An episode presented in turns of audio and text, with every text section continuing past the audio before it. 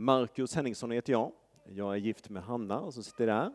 Och vi har tre barn, Natanael, Lea och Judit. Och vi har bott här i bygden sedan snart tre år tillbaka. Och vi har byggt ett hus i Edinge, mitt emot KG Maria. Eh, så numera har de ingen utsikt över någon skogsdunge utan de ser oss istället. Men vi är väldigt glada att se er i alla fall. Sen vet vi inte vad ni tycker. Och jag har fått förmånen att predika idag. Låt oss bara be för predikan. Tackar dig Jesus att ditt ord får gå ut. Tack att ditt ord är levande och verksamt. Tack att du har lagt ner ditt ord. Ditt ord talar till oss. Tack att du har tilltalat till oss idag. Och jag ber att dina ord ska komma fram och inte mina. Jesu namn. Amen. Och vad kul att jag får predika så här. Ni vet, jag har ju berättat att jag kommer från en pingstbakgrund. Och då brukar man springa fram och tillbaka på scenen och scenen är liksom direkt där folket sitter. Så jag, jag känner mig som hemma idag. Alltså. Det är helt fantastiskt att få vara så här och predika.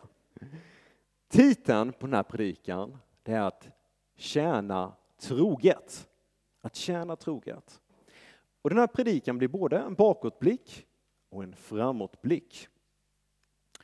Ehm, och vi ska börja med första bibelordet kan vi lägga upp på skärmen. Och det står så här.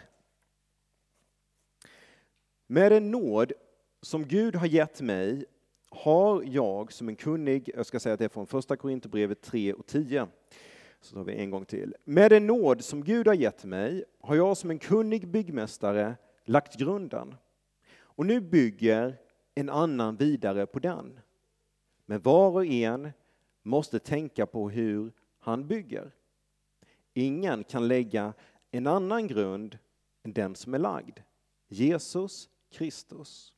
Om någon bygger på den grunden med guld, silver och ädelstenar eller med trä, trä hö och halm så ska det visa sig hur var och en har byggt.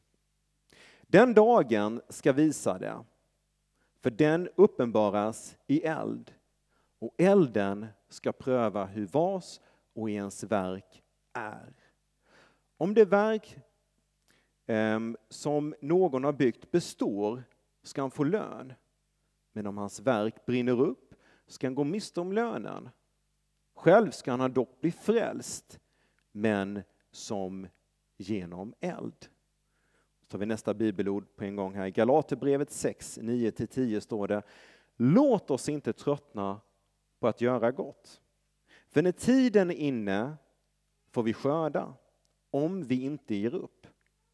Så låt oss därför göra gott mot alla människor medan vi har tillfälle och särskilt mot dem som tillhör trons familj.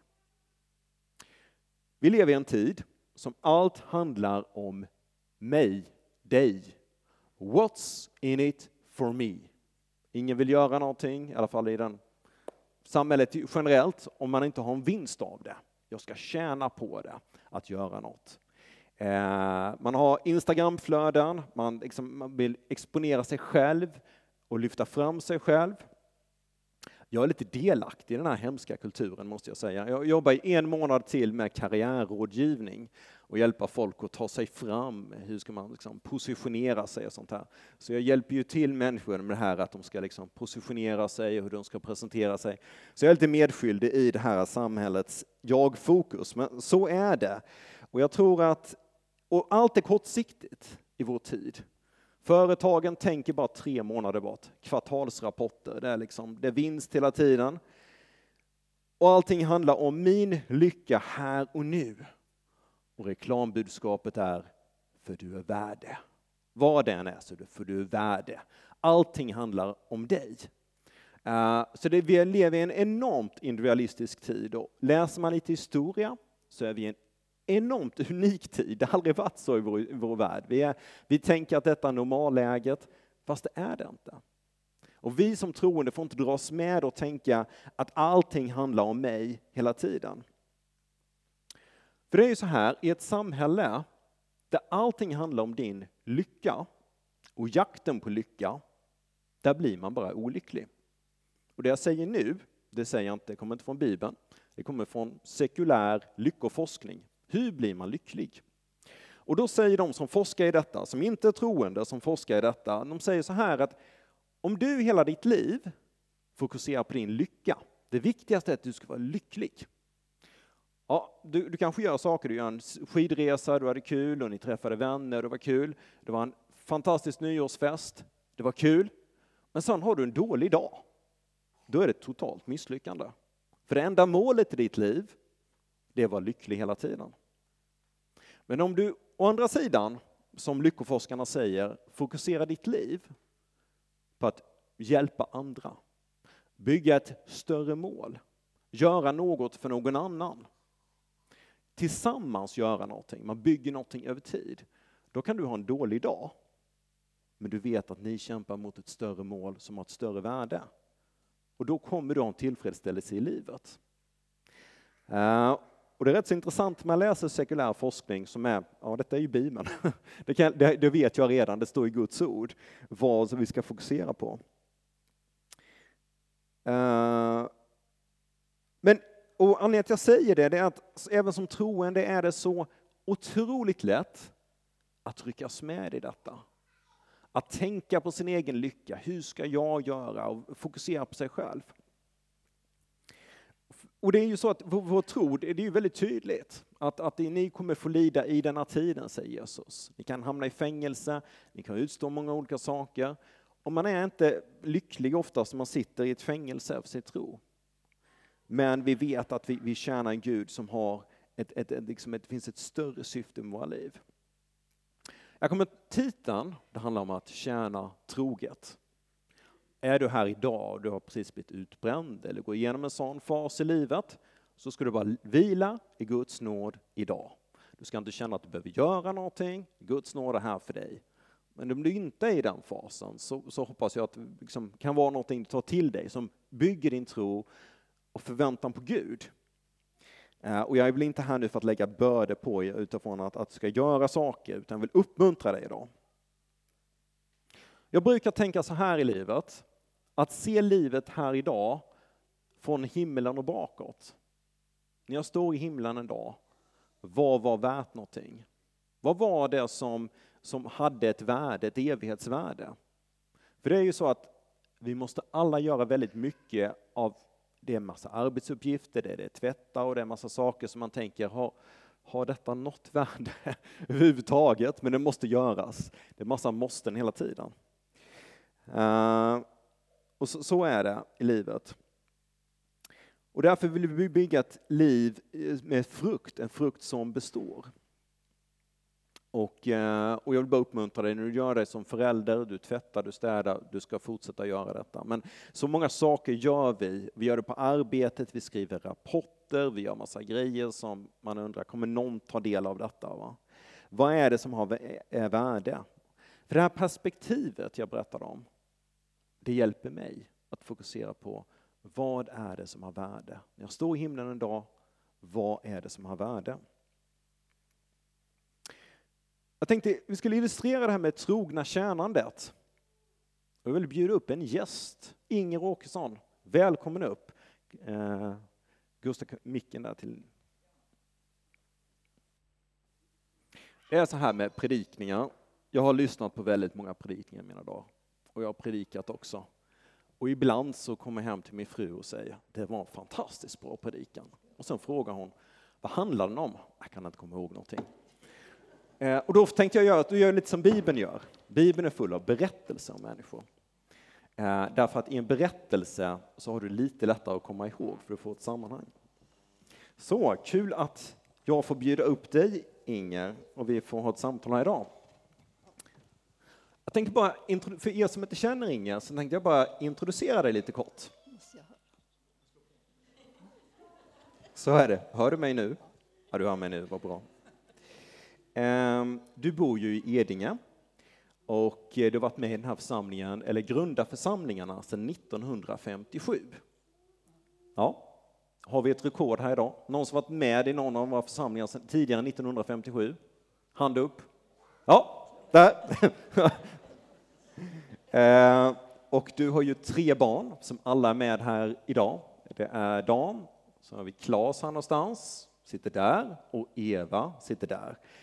Eh, du har elva barnbarn och du har elva barnbarns barn. Och tre av dessa barnbarns barn, det, det är mina barn. Så då förstår ni att vi är släkt här då. Du och din man Gösta drev ju gården Västerängen tills sönerna tog över. Eh, Du har även varit kantor i Svenska kyrkan sedan du var 19 år gammal och det blir då 65 år i en sån tjänst och även i församlingen. Och du har varit vik- vikarierande musiklärare eh, och du är änka sedan ungefär 24 år tillbaka. Ja, Och, och här i församlingen så spelar du för oss och betjänar oss på många olika sätt. ibland. Ja, ibland. Vad fantastiskt! Tre barn, elva barnbarn, elva barnbarnsbarn. Men allt, allt detta kunde fått en helt annan vändning våren 1939. Vill du berätta, vad hände då? Ja, eh, det kan jag göra. Min mamma jobbade på en bondgård. Och där så blev hon med barn. Och 1939, att bli med barn, med barn då, det, det var ju inte roligt. För hon var ju inte gift med den man som hon Nej, med. Nej. hon var ju inte det. Eh, Hon var ju, blev väl förtjust i den här bonden då, förmodar jag. Men eh, hon ville försöka göra av, av med barnet. Så att eh, hon åkte till Stockholm och jag vet inte om hon inte hittade någon Ehm, ja, någon som ville göra abort, men hon försökte själv och snörade sig hårt, hårt, hårt så att det här fostret skulle komma ut. Då. Och det gjorde det på Södersjukhuset. Men 1939 och på 30-talet så hade, vad heter det då? Den här... eh, Kuvösen. kuvösen kommit, ja. Så att jag fick ligga i en kuvös. Och jag, jag eh, ja, klarade mig där då. Mm. Fantastiskt. Eh, Men det och har ju kunnat inte blivit så. Nej. Eh, och det är fantastiskt att, att, att du eh, kom till livet och får vara bland oss. Sen växte du ju upp med din mormor Ester, morfar Karl och eh, moster Gunvor i Tuna. Ja. För du växte ju inte upp med mamma. Men hur ofta träffade du mamma och pappa under uppväxten? Ja, mamma visste ju fanns. Hon var ju hemma hos sin mamma och pappa ibland. Och så där. Och jag visste att det var mamma. Och, eh, men pappa visste jag inte om. Då. Nej. Inte alls. Nej. Inte alls förrän lite senare. Ja, så var det. Var dina morföräldrar aktiva i någon församling? Eh, Ja, min mormor berättade tanterna där i församlingen att min mormor var kristen. Eh, inte morfar, nej. Nej. Men ni gick inte tillsammans till kyrkan, eller? Nej, Nej. inte, inte då. Nej. Nej. Inte alls förresten. Nej. Sen går det några år till 1948. Då tar ditt liv en ny dramatisk... Då händer någonting. Vad händer då? Nio år gammal. Ester. Vad hände? 1948. Nio år gammal. Vad händer då? Din mor, eller mormor Ja, Ester. Ja. då dog ju mormor. Mm. Och det, ja, det var ju som mamma där då. Ja. Så dog, då dog hon. Men då klev ju någon annan lite grann in i hennes ställe. Ja, då var ju moster Gunvor hemma. Mm. Och morfar då förstås. Ja. Eh, fantastiskt. Eh, och de, eh, de såg till att ta hand om dig då. Eh, du spelar ju så mycket, piano och orgel. När började du spela? Ja, det var, förstår ni, på i Saringe missionshus i Lilla salen. Där fanns det en orgel. Och där var det söndagsskola.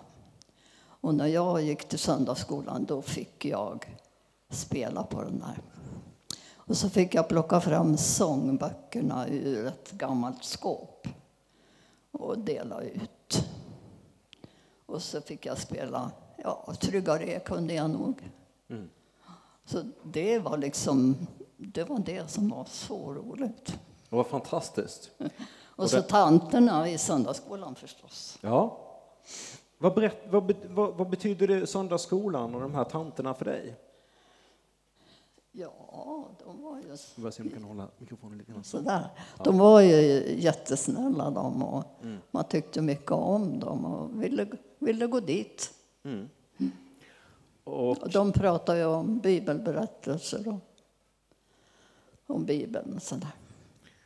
då har du berättat att det var två damer som troget tjänade detta. Först var det Rut Isaksson och sen Lisbeth Thor. Och då hade de detta under ja, varje, varje söndag helt enkelt. Ja, först var det ju Rut då. Men sen kom Lisbeth och det var varje, varje söndag. Nej, Ja, varje söndag. Klockan tio. Klockan tio varje söndag står de troget till detta. Eh, när blev du frälst? Ja, det var på ett läger. Vi skulle åka och hälsa på andra SMU-are som var på läger på Björkegården. Och där fanns ju pastorn då, Lasse Lööf. Och den dagen så predikade han bara för mig, tyckte jag. Och sen som vanligt var då, då inbjöd man till eh, förbön och sådär efteråt. Det gör vi ju här också. Men jag eh, gick ut. Jag skulle minsann inte. Men efter mig kommer Margareta Bromark och pratade med mig och sa, vi fick prata där utanför då. Och då så bad hon för mig. Fantastiskt. Och det var, det var ju fint. Och Margareta har jag fortfarande kontakt med. Jag pratade med henne häromdagen. Underbart. Vi tackar Gud för Margareta som tog verkligen fri, frimodigt till sig och gick efter dig. Alltså, nu upplevde hon skulle göra det och hon gjorde det 1957. Och det gick ju då det året 1957 med i församlingen, i Saringe Ja, missionshus. Och då tjänstgjorde, var du i söndagsskolelärare i Saringe 57 till 61. Ja, Och vi har en bild därifrån. Kan vi lägga upp den? Och en person som sitter här idag. där ja. Då har vi Bernt. Där är Bernt, ja. Är det som var med. Ett av barnen som var med när du hade söndagsskolan. Och Berätta lite grann vad... Och alla grannbarnen och alla barn runt omkring, de bara kom till söndagsskolan. Man Ja. skulle gå i söndagsskolan på den tiden. Fantastiskt. Vilken möjlighet man hade att, att, att nå ut och att ni som stod, stod troget i detta, att, att betjänade människor. Jag vet inte om ni känner igen någon, men det är många där som Ja, finns. Alla Mårtenssons till exempel. Gör, Göran och alla, alla Sixten Mårtenssons barn är där. ja. Vi har en annan bild. Kan, nästa bild kan vi ta. Och där har vi dig i mitten. Vad är detta för någon? Vad är det vi ser här nu, Inger? Det är eh, juniorföreningen i Saringe. Och då har vi Margareta som är till höger där som var med och ledde dig till tro också då. Ja, Eh, just det. Ja. Och sen har vi en tredje bild. Där har vi några kända ansikten. Ska du berätta vilka det är vi ser här? Ja, det är Barbro Thor, hon och Claire i Almlöv. Vi hjälptes åt med lördagsträffen. Mm. Och så är det Dan och så är det Kai, tror jag. Kai, Kai Gunnarsson. Ja. Detta är ju... eh, Och du hade ju den här lördagsträffen i, i, tillsammans då med flera i, i Edinge missionshus från tidigt 70-tal till slutet av 80-talet. Det är fantastiskt. Och jag, Eh, det är ju många som har varit på de här eh, söndagsskoleträffarna och, och fått höra Guds ord. Jag vet min fru Hanna har ju varit på detta och hon har ju mm och hur mycket det betydde för hennes del att ehm, få höra Guds ord, de kom till tro sen, så var de här berättelserna levande. Eh, och det är många fler som varit med på hållit i detta, men bara som ett exempel på hur Guds ord får planteras och bli levande. Mm. Eh, nu började du berätta lite grann om din, hur det var lite, det var ju dramatiskt när du föddes sånt här. Man, när du ser tillbaka på livet, om vi säger att du hade växt upp med din mor Eivor istället. Hon gifte sig sen och fick barn. Mm. Hur tror du ditt liv hade blivit om du hade växt upp där istället för att växa upp med mormor och morfar i Tuna? Ja, det vet jag inte riktigt. Det kunde ju bli bra. Jag vet att det var trogna människor i Rasbokil också som hade mm. söndagsskola mm. i Rasbokils missionshus. Men det kanske var lite senare. Mm. För där gick Eleanor. Mm. Um, men man präglas ju av miljön liksom, mm. bra mycket ändå. Mm. Så jag kan inte säga riktigt, men det var bra att jag var där jag var. Ja. Absolut. Tack så mycket för att vi fick eh, lyssna till, eh, till dig mm. och det berätta. Tack själv.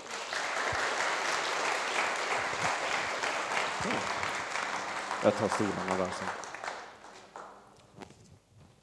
Ska jag ta bort stolarna? Jag kan ta och fixa.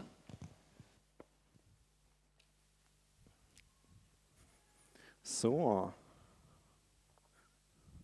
Du har lite berättelser att hänga upp saker och ting på. Och det är ju, det är ju så att många har ju berättelser som detta, att människor stod troget vid deras sida.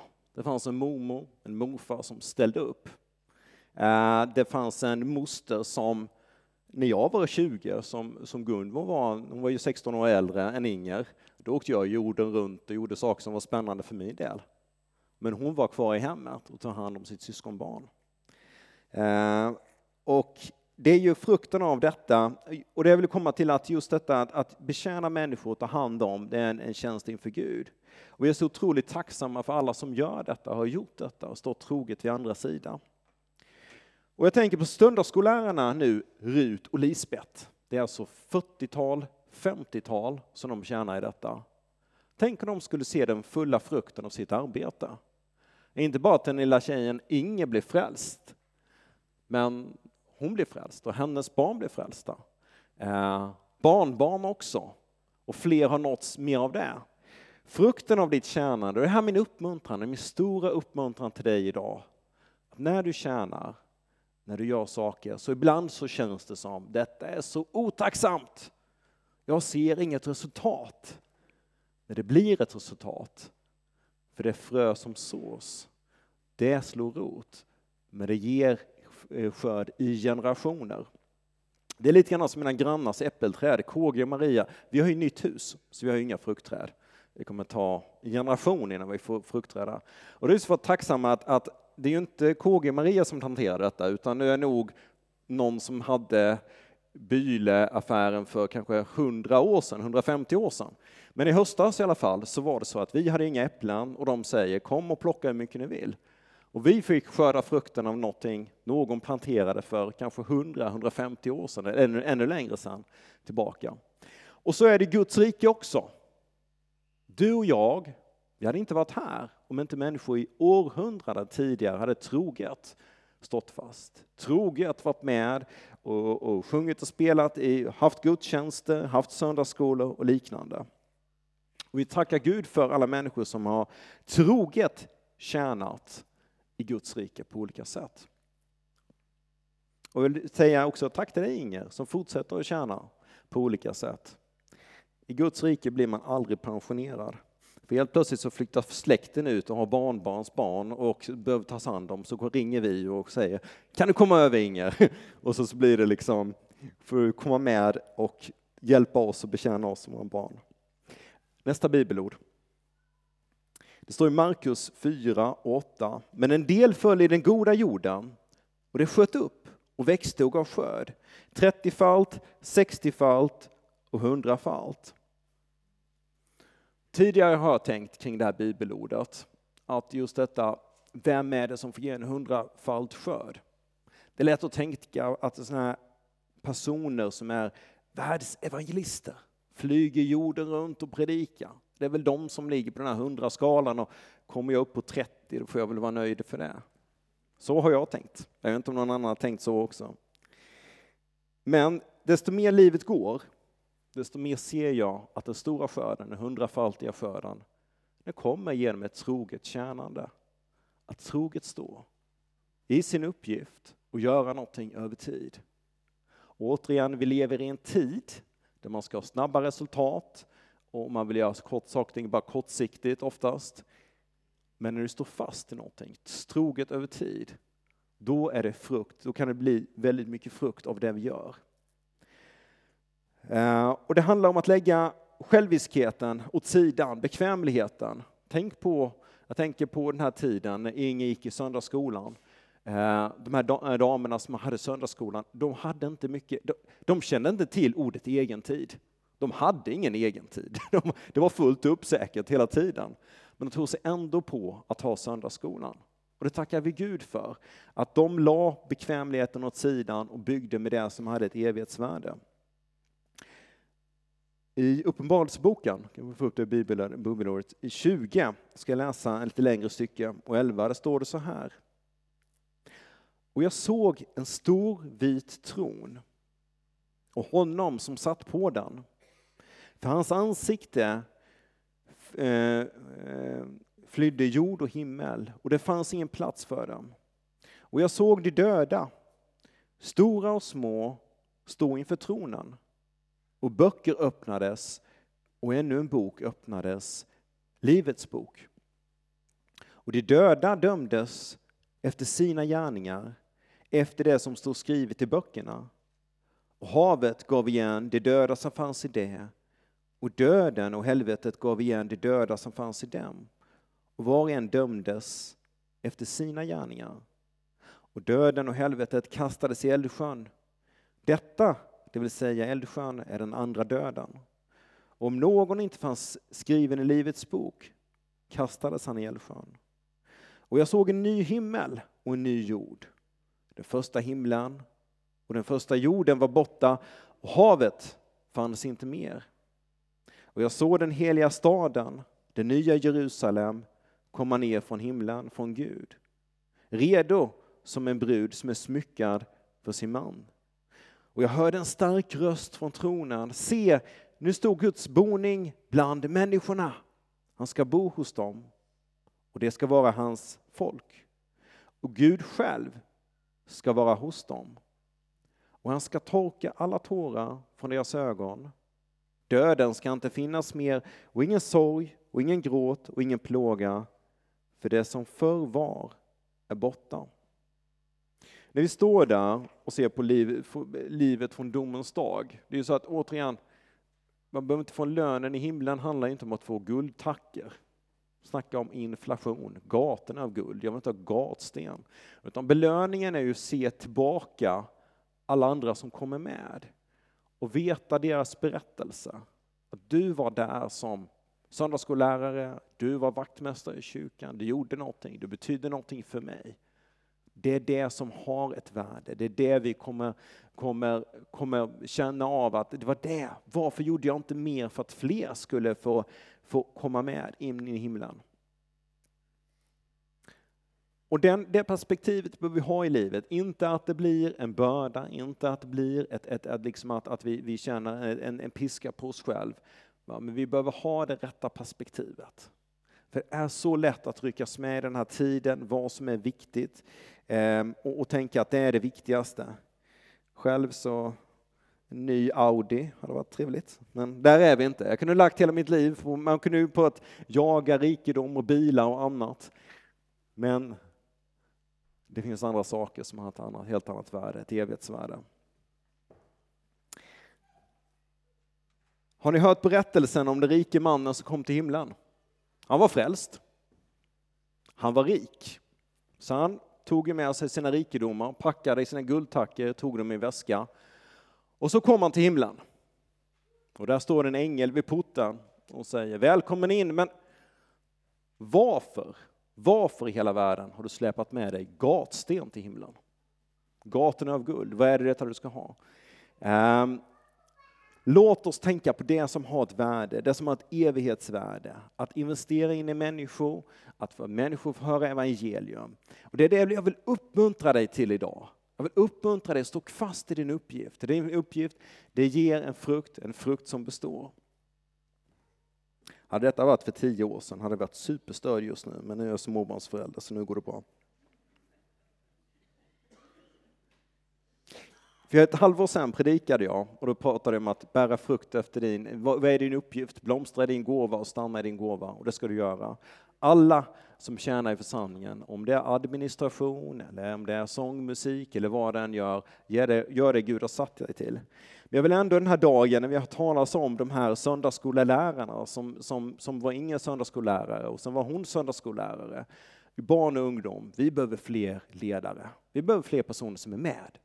Och även om du känner att du har ingen naturlig gåva för det, jag är en av dem, så se om du kan vara med någonting. Prata med Mia och kom med och gör detta. För just det, detta att investera i barn och ungdomar är så otroligt viktigt på alla sätt. Och vi har ju med ungdomar, med Valter har koll på det, prata, det finns jättemycket behov. Och tänk på det liksom, återigen, att, att vi, om vi alla hjälps åt och fyller upp, du behöver inte vara med varje vecka, du kan vara med någon gång ibland. Men var med och betjäna. Och sen vill jag också säga nu, nu har jag pratat om att, att människor som har troget tjänat och gjort saker, men låt oss komma ihåg detta, låt oss inte göra detta i vår egna kraft. Hur gör man saker i egen kraft? Jag kan säga, jag är expert på det. Jag ser ett problem, jag ser en lösning och jag gör det på en gång. Jag får hela tiden träna sig att, okej okay, Gud, nu har vi en utmaning, nu ber jag till dig, nu ber jag för detta, nu ber jag för den här stationen. Och se till också att be med andra. Dela bördan med andra. Nu står vi i en utmaning här. Nu, nu är detta ett problem. Hur ska vi göra nu? Dela det med andra. Dela det med andra och så ska du se att, att Gud kommer med och bära och lyfta dig i detta. Ehm, på så sätt så bär vi inte bördorna själva, utan då är det någonting vi får ge till vår Gud och vi får använda av honom. Och då blir inte bördan tung, då blir bördan lätt att bära, för vi delar den tillsammans. Vi låter Herren vara med oss och i detta. I himlen kommer vi möta oss som människor som vi aldrig har träffat. Människor som kommer tacka oss och vi kommer säga, för vad då? Du tjänade troget. Det är någon som kommer leva om hundra år kanske. Du tjänade troget i den här församlingen. Och jag blev en gång frälst För vi står alla på axlarna av trons hjältar som gått före oss, som har tjänat. Så det är min uppmuntran till dig. Du kommer aldrig se den fulla frukten av ditt tjänande du kommer aldrig se det stora resultatet. Men stå troget fast i detta. Och vet detta, att det jag gör för Guds rike, det har ett evighets, evighetsvärde. På samma sätt som KG Marias fruktträd, de som planterade en gång i tiden, det här lilla trädet, de fick kanske inte så mycket frukt av det. Men jag tackar Gud för dem. För vi fick många kassaäpplen som var över när många grannar hade tagit allt vad de kunde, eh, det de ville ha, så, så blev det över till oss också.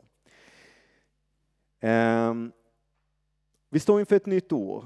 Det är nya utmaningar. Vi, alla massa, vi tänker vad ska vi göra av detta året? Vad ska vi göra? Vad är det för nytt vi ska göra? Ja, det kanske är några nya grejer du ska gå in i. Men det kanske också att du ska stå fast troget i det du gör. Jag vill också säga till dig att du som är förälder, om man bara känner ibland att, att det är kanske lite otacksamt, man städar, man städar och det är liksom likadant hela tiden. Det är en uppgift inför Gud, att ta hand om sina barn eller ta hand om andras barn. Det är en uppgift inför Gud att göra detta. Så stå troget fast och vet det att det du gör för Guds rike, det har ett evighetsvärde. Du kommer aldrig se den fulla frukten av det. Men gör det inte i din egna kraft, utan be Herren om hjälp. Genom, be andra också för detta. Kan vi be tillsammans för den här stationen? Och så delar vi den här bördan tillsammans. Tack Jesus att du är vår Herre och frälsare. Tackar dig Herre att du inte har gett, dumpat någonting i knät på oss. Utan du har sagt att, att gå vandra med mig. Be för stationerna, jag ska lyfta era bördor. Jag ska, vi ska göra detta tillsammans. Vi ber Fader att vi som församling ska få, få vara mer utbredda i ditt rike tillsammans med dig, tillsammans med varandra. Då ska vi få vara med och att göra det som har ett värde, det som har ett evighetsvärde. Och vi tackar dig Herre, vi tackar för alla människor som har gått före. Vi tackar alla människor som så troget har tjänat i dessa församlingar som lever i höjdkyrkan och som tjänar än. Tackar dig för alla människor som har hamrat, snickrat, skött ekonomi, som har städat, som har haft barn och ungdomsmöten, vad det än är. Vi tackar dig Fader för dem. För hade inte de gjort det så hade vi kanske inte varit här idag. Vi tackar dig Herre att du är vår försörjare. Tackar dig att du vill signa oss. Och vi tackar dig för att vi kan gå till dig med alla, allt som är på vårt hjärta. Tack.